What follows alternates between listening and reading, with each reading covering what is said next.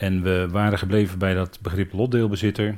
We hebben voor de pauze gezien dat wij, of de gelovigen, ook al lotdeelbezitter werden genoemd.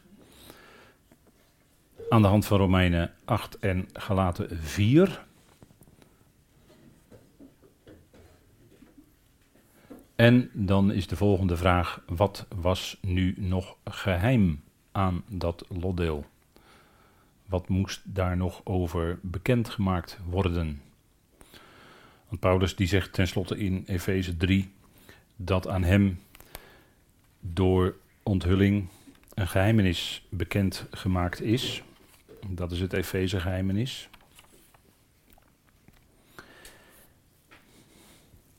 In vers 3, Efeze 3, vers 3, dat door onthulling het geheimenis aan mij bekendgemaakt is.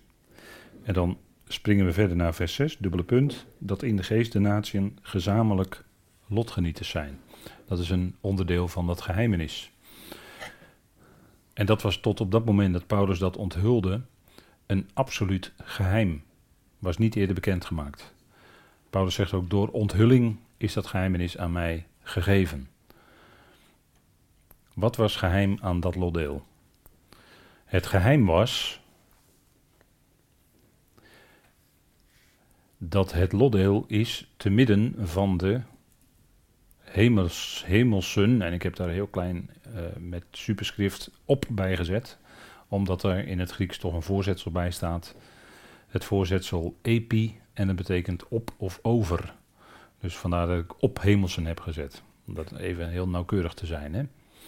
Te midden van de ophemelsen, dat lotdeel hebben we daar.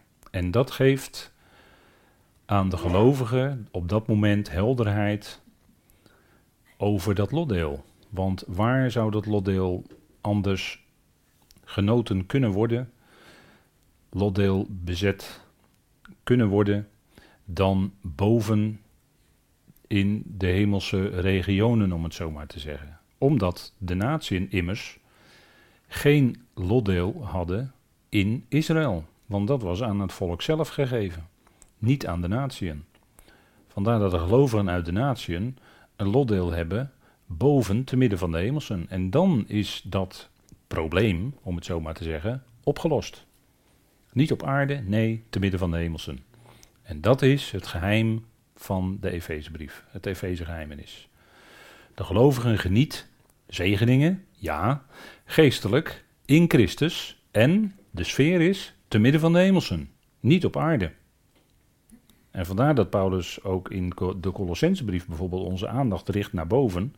Bedenkt of wees bedacht op wat boven is, waar Christus is, gezeten aan de rechterhand van God. Vandaar dat Paulus ook daar in Efeze of in Colossense 3 onze aandacht daarop richt. Wees bedacht op wat boven is. En dan zegt hij er ook bij, niet op wat op de aarde is.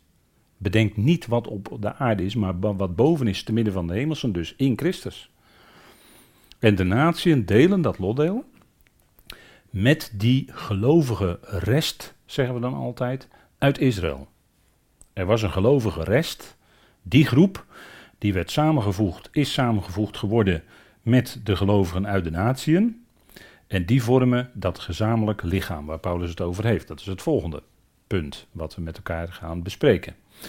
De natieën delen dat dus, dat lotdeel, met een gelovige rest uit Israël.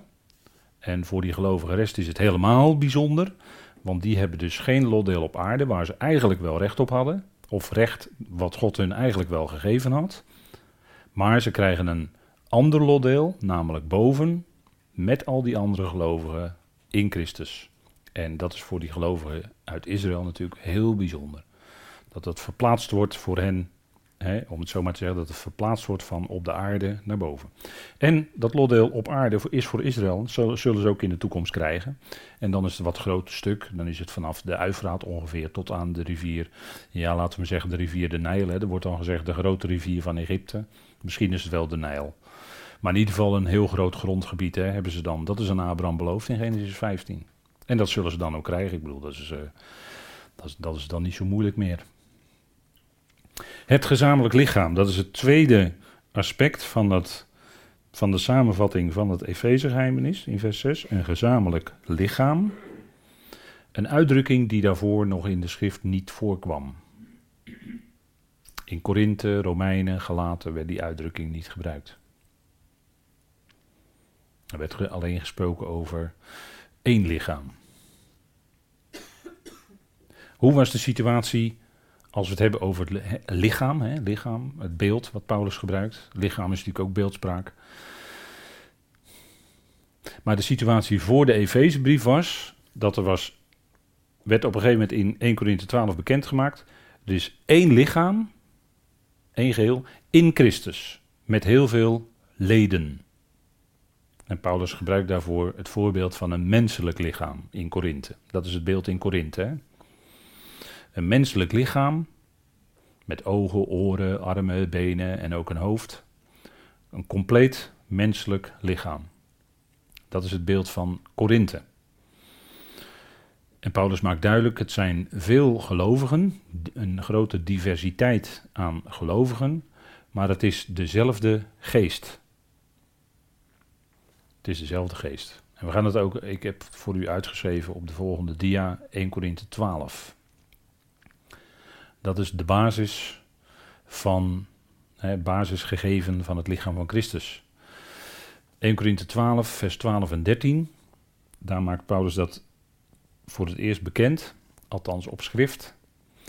Want net als het lichaam één is en veel leden heeft, dus hij gebruikt het voorbeeld van een menselijk lichaam, echter al de leden van het ene lichaam, velen zijnde, één lichaam zijn, en dan zegt hij zo ook de Christus. En hier wordt dan het lichaam van Christus heel even aangeduid als de Christus. Hier, hè, zo. Dus eventjes, een menselijk lichaam heeft heel veel leden, toch is het één lichaam. En dan zegt hij, zo ook de Christus. En dan gaat hij, Christus is natuurlijk zijn uh, titel waarmee uitgedrukt wordt dat hij gezalfd is, dat hij gezalfd is met geest. Dus hier wordt ook direct gewezen op die geest. En dat gaat in vers 13 ook duidelijk blijken. Want ook in één geest, zegt Paulus, worden wij allen tot of letterlijk naar binnen één lichaam gedoopt. En dat worden gedoopt, dat staat hier in de zogenaamde als een, als een feit, auristus, feit en passief. Vandaar dat hulpwerkwoord worden erbij. Maar je zou hier net zo goed ook mogen vertalen, in dit geval zijn gedoopt. Dat maakt in wezen dan geen verschil. En worden wij allen, hè, of zijn wij allen, naar binnen, staat in het Grieks een woord. En in het Engels hebben ze daar wel een heel mooi woord voor, de into. De beweging naar binnen. Het Engelse into, maar dat woord hebben wij niet zo'n kort mooi woord om dat uit te drukken. vaak vertalen we dan met tot, maar dan zetten we wel even NB bij om aan te geven dat er letterlijk naar binnen staat. En dan het resultaat is één lichaam. Dus in één geest zijn of worden wij allen naar binnen één lichaam gedoopt. En dat is een puur geestelijk gebeuren. Hier wordt gesproken over geesten. Want als er in de schrift sprake is van dopen, dan moet je ook kijken in welk element, om het zo maar te zeggen, wordt er gedoopt. Nou, bij Israël was het zo dat ze in de wolk en in de zee werden gedoopt. Maar ze werden niet nat hoor, in die zee. Ze kwamen gewoon droog aan de overkant. Maar Paulus zegt wel in 1 Korinthe 10, zij werden naar binnen Mozes in de wolk en in de zee gedoopt. De elementen wolk en zee worden daar genoemd hè. En hier wordt een ander element, om het zo maar te zeggen, genoemd, waarin wordt gedoopt. Nou, in, geest. In geest. En dan maakt het niet uit, het zij Joden, het zij Grieken, het zij slaven, het zij vrijen. En allen worden, hier heb je weer de, dezelfde uh, eigenaardigheid met het werkwoord. En allen worden, en dan heb ik dun gedrukt gezet met omdat het er niet letterlijk staat. Er staat geen voortzetsel daar. Eén geest gedrenkt. En dat worden gedrenkt, dat is weer, die, dat is weer datzelfde vorm in het Griekse werkwoord, een feit in het passief. Dus je zou ook mogen zeggen, en allen zijn één geest gedrenkt. Dat is eigenlijk het meest zuiver. Als ik het voorzetsel weglaat. Maar dat moet je soms toevoegen voor de leesbaarheid. En dan kun je hier toevoegen met of in. Maar dat is een beetje, een klein beetje, ehm, ja, een klein beetje moeilijk. Omdat je dan een, ehm, ja, omdat je dan een derde naamval misschien veronderstelt. Terwijl hier een vierde naamval staat. Dus het gaat om het, hè, het gaat om, uh, ja, in de grammatica noemen ze dat dan de accusatief, hè. Dus en allen zijn één geest gedrenkt. Dus dan dat drenken, dat is dan uh, ook, dat uiteraard ook beeldspraak.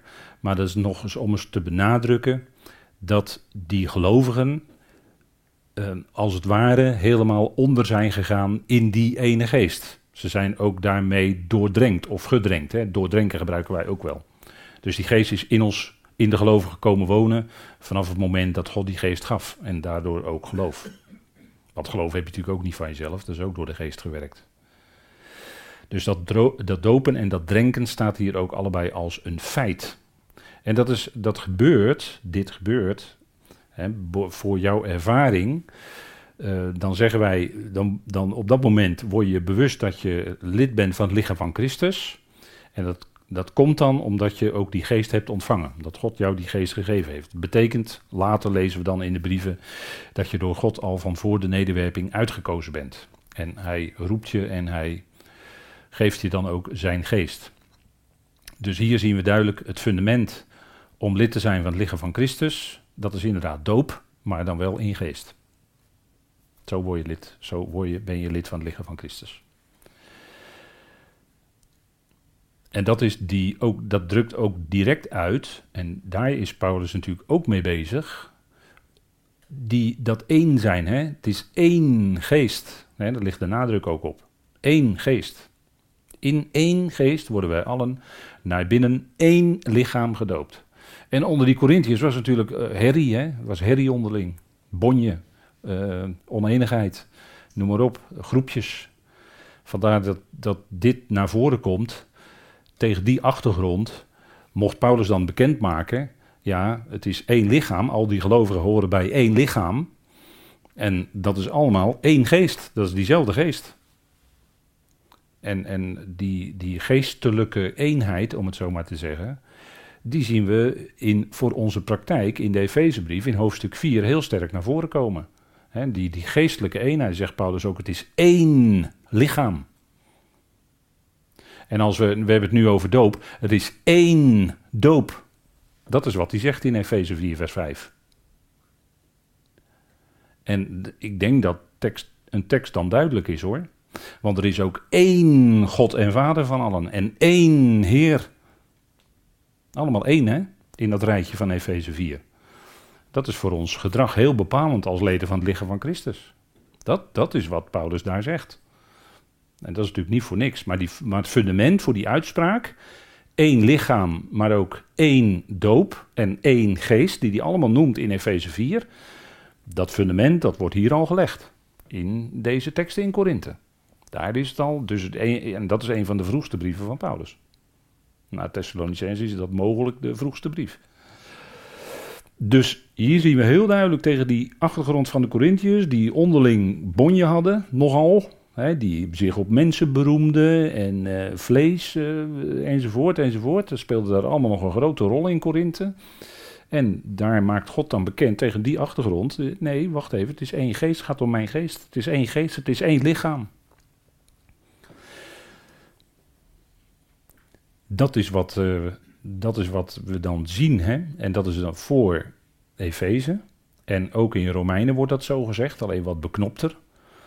Romeinen 12, vers 4 en 5. Want ik heb het ook even voor u hier wat uitgeschreven. Want net als wij in één lichaam veel leden hebben, de leden echter niet allen dezelfde functie hebben, zo zijn wij, de velen, één lichaam in Christus, individueel echter elkaars leden. Dus hier herhaalt Paulus in wezen wat hij ook in 1 Korinthe 12, vers 12 en 13 al gezegd had met bijna dezelfde bewoordingen. En in een iets andere setting voor de praktijk van de, van de gelovigen in Rome, maar ook voor onze praktijk natuurlijk. Er zijn allemaal leden in het lichaam, maar die hebben verschillende functies. De een is een voet en de ander is een hand. De een is een oog en de ander is een oor. Maar het hoort wel allemaal bij datzelfde lichaam. De velen, het zijn er enorm veel, maar we zijn wel één lichaam in Christus. En zo zie je overal, zo ontmoet je overal in alle, wat wij dan zeggen, denominaties, eh, in alle groepen, eh, overal kom je gelovigen tegen. En eh, die horen allemaal bij het lichaam van Christus. Dus ja, dat haalt wel natuurlijk een streep door. In het verleden heeft men wel eens gezegd in bepaalde geloofsgroeperingen van uh, wij zijn de ware en veel maar in. Hè? Wij zijn de enige ware. Nou, daar haalt natuurlijk deze woorden halen daar een streep doorheen. Want het gaat niet om één ware groep of één, één, één ware genootschap of zoiets. Het gaat om dat ene lichaam van Christus. En dat is een geestelijke eenheid. dat, dat, dat speelt zich af in het geestelijke vlak. Dus dat, is niet gebonden aan een organisatie, is niet gebonden aan gebouwen, is niet gebonden aan één wereldleider of zo van, van een grote groep, maar eh, het is gebonden aan Christus.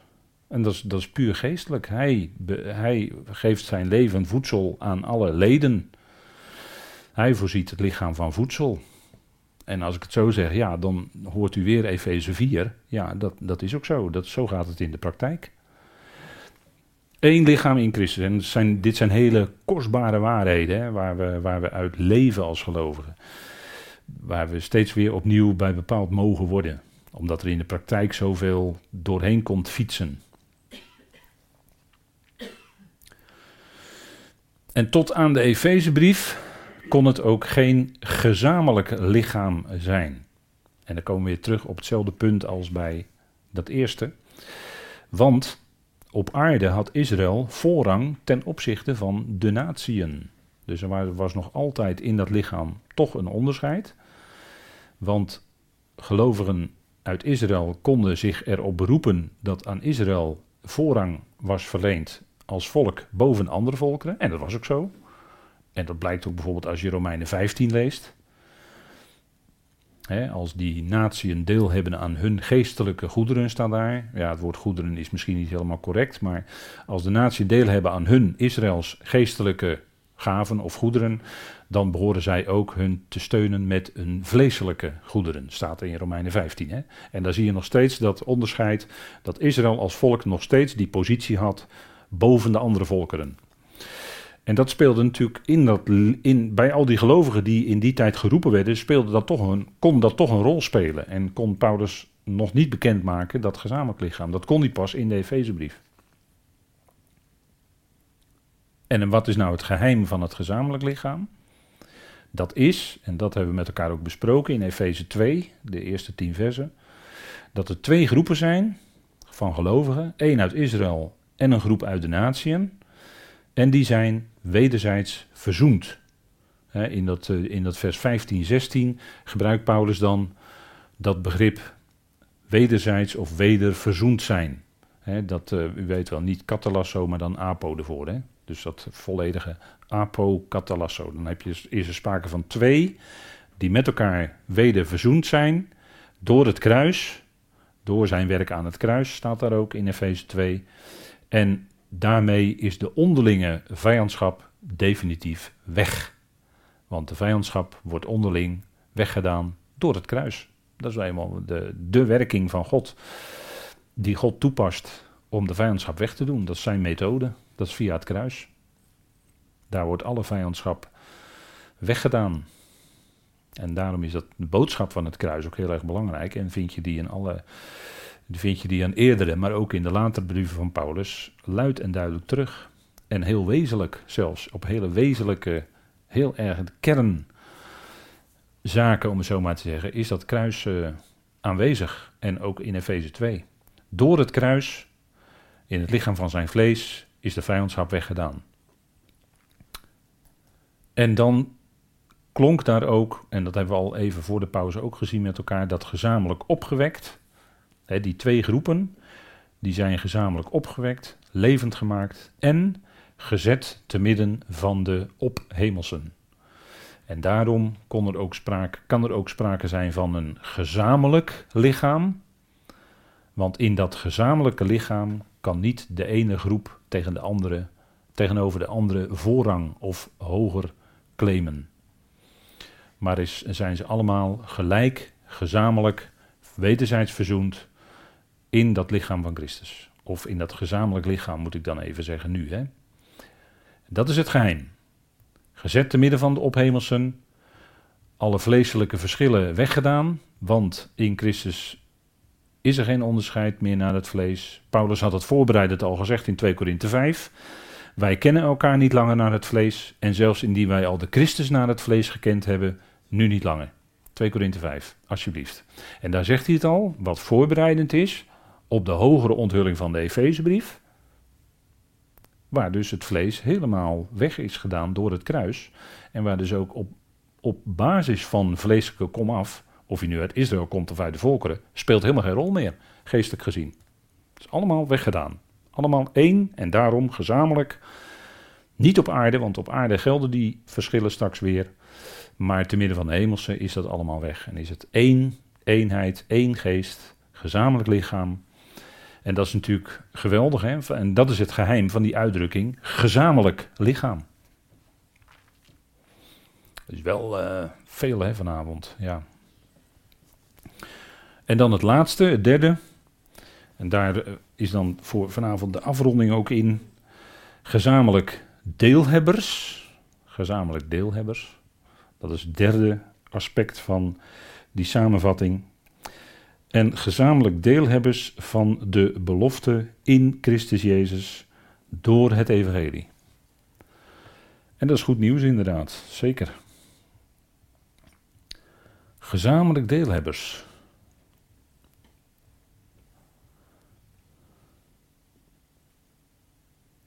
De gelovigen uit de natie want hoe zit dat dan met dat deelhebbers? Waar hadden de gelovigen uit de natie deel aan? Of wat, je kan ook zeggen, wat was hun verwachting in principe? Dat ze eerst als burgers van het komende Messiaanse Rijk op aarde zouden zijn. Als deelhebbers met Israël van de belofte in Jezus Christus. En wat was de belofte in Jezus Christus, Jezus de Messias? was dat hij als koning van de koningen zou regeren over alle volkeren. Hij is die steen uit Daniel 2, vers 44, die aan al die andere koninkrijken definitief een einde zal maken, die dat hele beeld zal, zal verpulveren. Zal verpulveren. Helemaal tot niets gaat het beeld. Hè. Er blijft alleen dat ene koninkrijk van de Messias, Jezus Christus, de gezalfde, blijft over. Dat was de belofte. Dat was de belofte vanuit Tenach. Ook voor Israël en de volkeren. Dat was de, de belofte in Jezus Christus, hè, kun je zeggen. De natieën dan ondergeschikt aan Israël. Hè, men noemt dat dan, ik heb dat plaatje er even bijgezet voor de aardigheid, tikkun olam, zeggen ze dan. Maar de voorbereiding op het Messiaanse Rijk. En daarmee wil men dan zelf de wereld verbeteren. Maar ja, goed, dat is natuurlijk wel een ander verhaal. Dat is een beetje eigen denken. Maar het is wel de, iets waar ook de Jood naar verlangt, hè? Naar, die, naar die komende wereld, waarin de Messias zal heersen en waarin het shalom zal zijn. Dat is wat vager, maar veel duidelijker is dat ook in de evangeliën en zelfs nog een stuk in handelingen werd daar steeds gesproken over dat Messiaanse Rijk, Jezus de Messias, die zal regeren als koning van de koningen en als heer van de heren over de hele aarde. Vanuit Israël zal hij de grote koning zijn. Jeruzalem heet ook de stad van de grote koning. En zal, zal de hele aarde vervuld worden van de kennis van Yahweh, zoals de wateren de zeebodem bedekken, hè, zegt uh, Habakkuk onder andere. Heel mooi, hè? een prachtige uitspraak uit Habakkuk. En ook in Habakkuk klinkt de rechtvaardige, en dat is allereerst natuurlijk onze Heer, de rechtvaardige zal uit geloof leven. Maar dat geldt ook voor u en mij. Wij zijn ook rechtvaardigen. En hoe leven wij? Nou, uit geloof. Wij leven niet op wat wij waarnemen met onze oogjes en met wat we kunnen pakken met onze handjes. Maar wij leven in geloof. Niet door wat wij waarnemen. Wij verwachten Hem die wij nog nooit gezien hebben. Dat is ook wel heel bijzonder natuurlijk. Hè? Maar dat zei de Heer ook. Gelukkig zijn zij die niet gezien en toch geloofd hebben. Dat is ook zo natuurlijk. Hè? Maar dat Messiaanse Rijk, dat was de grote belofte die al van Genesis 3, vanaf Genesis 3, vers 15 klonk. Hè? Dat het zaad van de vrouw zal de kop van de slang vermorzelen of deerlijk verwonden. Dat was de kiembelofte. Dat in die zoon die zou komen, in die Messias, en waarvan we weten dat is Jezus Christus, zal dat hele rijk op aarde gestalte krijgen. Wat Adam niet kon bewerken, bewerkt de laatste Adam dan wel. Zo kan je het misschien ook zeggen. Dat was ook doorgaans de verwachting van de gelovigen voordat Efeze geschreven werd. En natuurlijk, Paulus had 1 Thessalonicense 4 geschreven, maar ook dat gaf wel iets, gaf wel een duidelijke hint van we worden, als de Heer komt, snel weggenomen van de aarde, maar nog niet van waar komen wij dan uiteindelijk terecht definitief daarna. Dat was nog niet bekend. Dus was er misschien toen ook wel de gedachte, wat nu ook nog heel veel opgeld doet. U weet wel, hè, die bekende haarspeld, uh, dat je na, na de grote verdrukking kom je met z'n allen weer terug op aarde. Weet u wel, die gedachte. Hè, dat, dat, met de Efezebrief klopt dat niet hoor. De Efezebrief haalt daar een streep doorheen, door die gedachte. Maar dat is natuurlijk wat heel veel gelovigen geloven. Die zeggen, ja, kijk, Zacharia, de Heer komt met zijn vele heilige tienduizenden. Dat zijn wij, wordt er dan gezegd. Of met zijn heilige tienduizenden. Maar ja, dat is invulling, hè. Dan ben je iets aan het invullen waarvan je nog kan afvragen, zijn wij dat eigenlijk wel? Dat kunnen net zo goed hemelse boodschappers zijn hè, die, die nu ook al hemelse boodschappers zijn, die, die kunnen dat ook zijn. Om Israël te helpen bevrijden. Hoeft helemaal niet het lichaam van Christus te zijn. Vul jij in met je gedachten, vul je in. Moet je wel bewust zijn, hè? Als je dat doet. Maar het wordt heel veel gedaan hè, vanuit, uh, vanuit Zacharia. Ja, die, die opvatting hoorden, wij op de Bijbelschool al, uh, ruim 40 jaar geleden. Dat is daar heel bekend. Maar later kom je tot ontdekking dat het toch anders ligt. Dat het toch bepaald anders ligt. Wij hebben een toekomst, hè, naar Efeze 2, hebben we besproken in de komende eonen te midden van de hemelsen.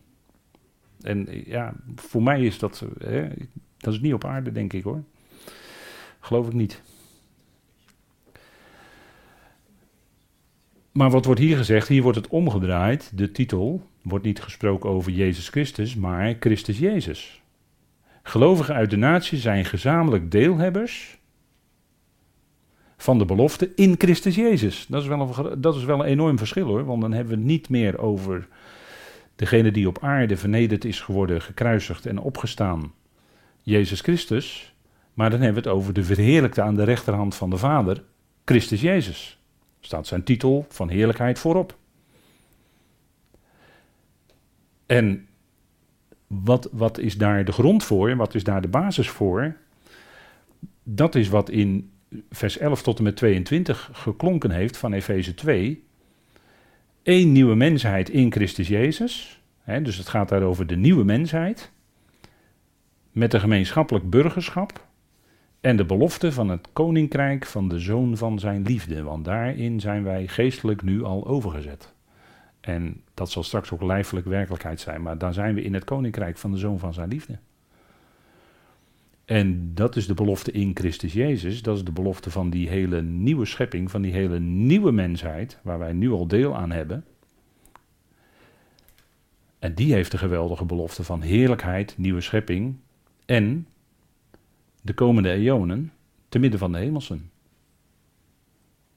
Deel hebben op een hele bijzondere manier aan de uitwerking van het plan van God om iedereen tot onderschikking te brengen niet de volkeren, maar de hemelingen tot onderschikking brengen aan de Christus. Ja, dat is heel iets bijzonders. En dan heb je een keurige verdeling. Israël als koning en priesters op aarde voor de volkeren. Hun bediening voor de volkeren. En wij als degene die samen met Christus die hemelingen tot onderschikking mogen brengen aan hem. Onder zijn voeten mogen brengen. Boven, niet op aarde keurige taakverdeling, om het zo maar te zeggen.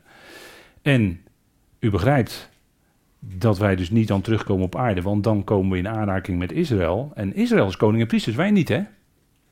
Israël is koning en priesters op aarde. Wij zijn dat niet. Wordt nergens gezegd. En als je dat toch wil invoegen, dan, ben je, dan ga je met de schrift, ga je, hoe noem je dat? Versjaggeren, marchanderen, sjoemelen. Dat soort woorden moet je dan gebruiken. Want dan ga je de schrift op bepaalde punten ga je de schrift als het ware uitrekken. Als was het elastiek, wat je niet kan doen. En dan ga je het te ver toepassen op iets wat gewoon niet kan. En daarom hebben wij ook geen deel aan het nieuwe verbond, om, om zo om maar iets te noemen. Wij hebben geen deel aan het nieuwe verbond. Het nieuwe verbond is gegeven aan het huis van Israël en het huis van Juda. Wordt in Hebreeën 8 nog eens uitgebreid herhaald. Wij hebben daar geen deel aan. Nee, wij hebben deel zelfs aan meer dan het nieuwe verbond. Dat is het punt. Wij hebben meer dan, meer dan deel. En eh, dat Paulus nog even het woord verbond gebruikt in eh, bijvoorbeeld 2 Korinthe 3. Dat is een bepaalde manier van spreken, wat hij vaker doet, om nog even dat begrip vast te houden. Maar om aan te duiden die grote, grotere geestelijke heerlijkheid die aan de gelovigen gegeven is.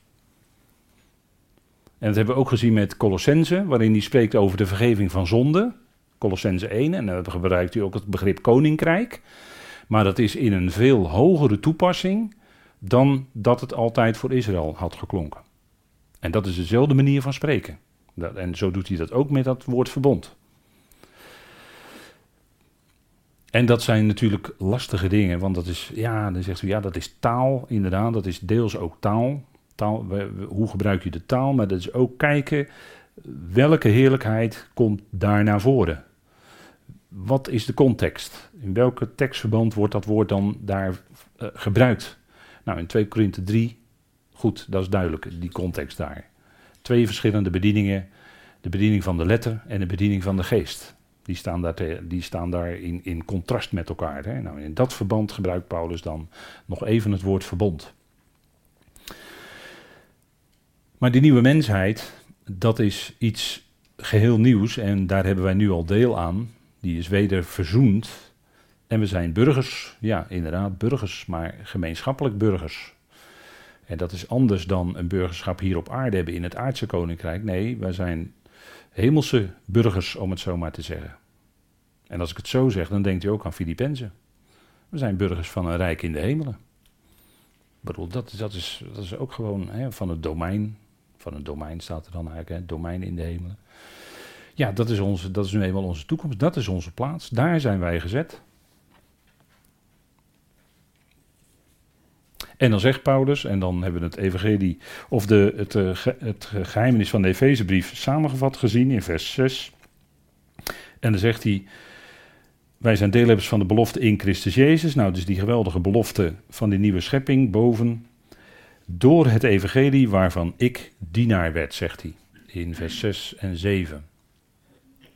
En dat is uh, ja, waar Paulus eigenlijk uh, uniek over schreef. En u ziet hier ook een plaatje van Efeze, is dit, dacht ik. Efeze, ruïnes van het oude Efeze. Door het evangelie waarvan ik dienaar werd. En ik heb hier even wat aspecten op een rij gezet voor u. Waarvan, waar u dan aan kunt denken. Het evangelie waarvan Paulus dienaar werd. Nou, bovenaan heb ik maar gezet mijn evangelie. En dan eronder allemaal uitdrukkingen die op een of andere manier de waarheid van het aan hem toevertrouwde evangelie uitdrukken. En dan ziet u zo een rijtje uit zijn brieven waarover hij spreekt.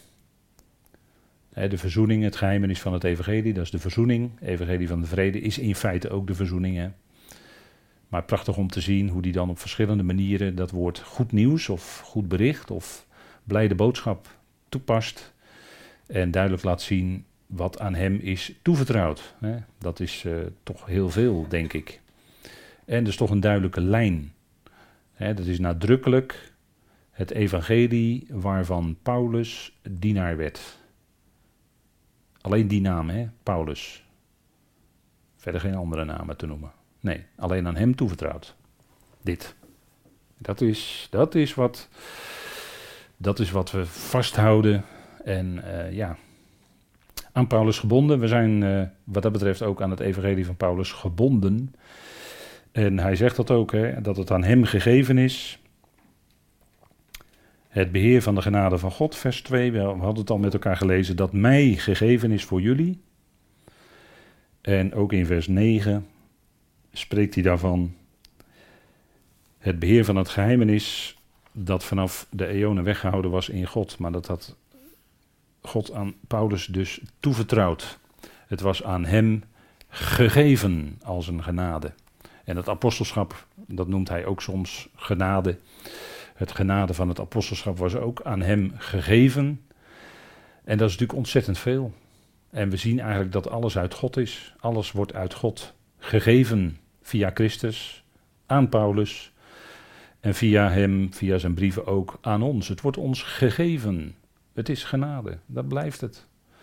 Daar begint het evangelie mee en ik zou willen zeggen, daar eindigt het evangelie ook mee. Dat is het hele evangelie in feite. Het wordt ons gegeven. En, en dat is toch iets wat uh, nadrukkelijk is. Hè? En, en het bijzondere is, dat is even heel iets anders, maar in, in openbaring hebben we dat ook gezien op een gegeven moment. Hè? In openbaring, daar heb je op een gegeven moment de manifestatie van dat beest.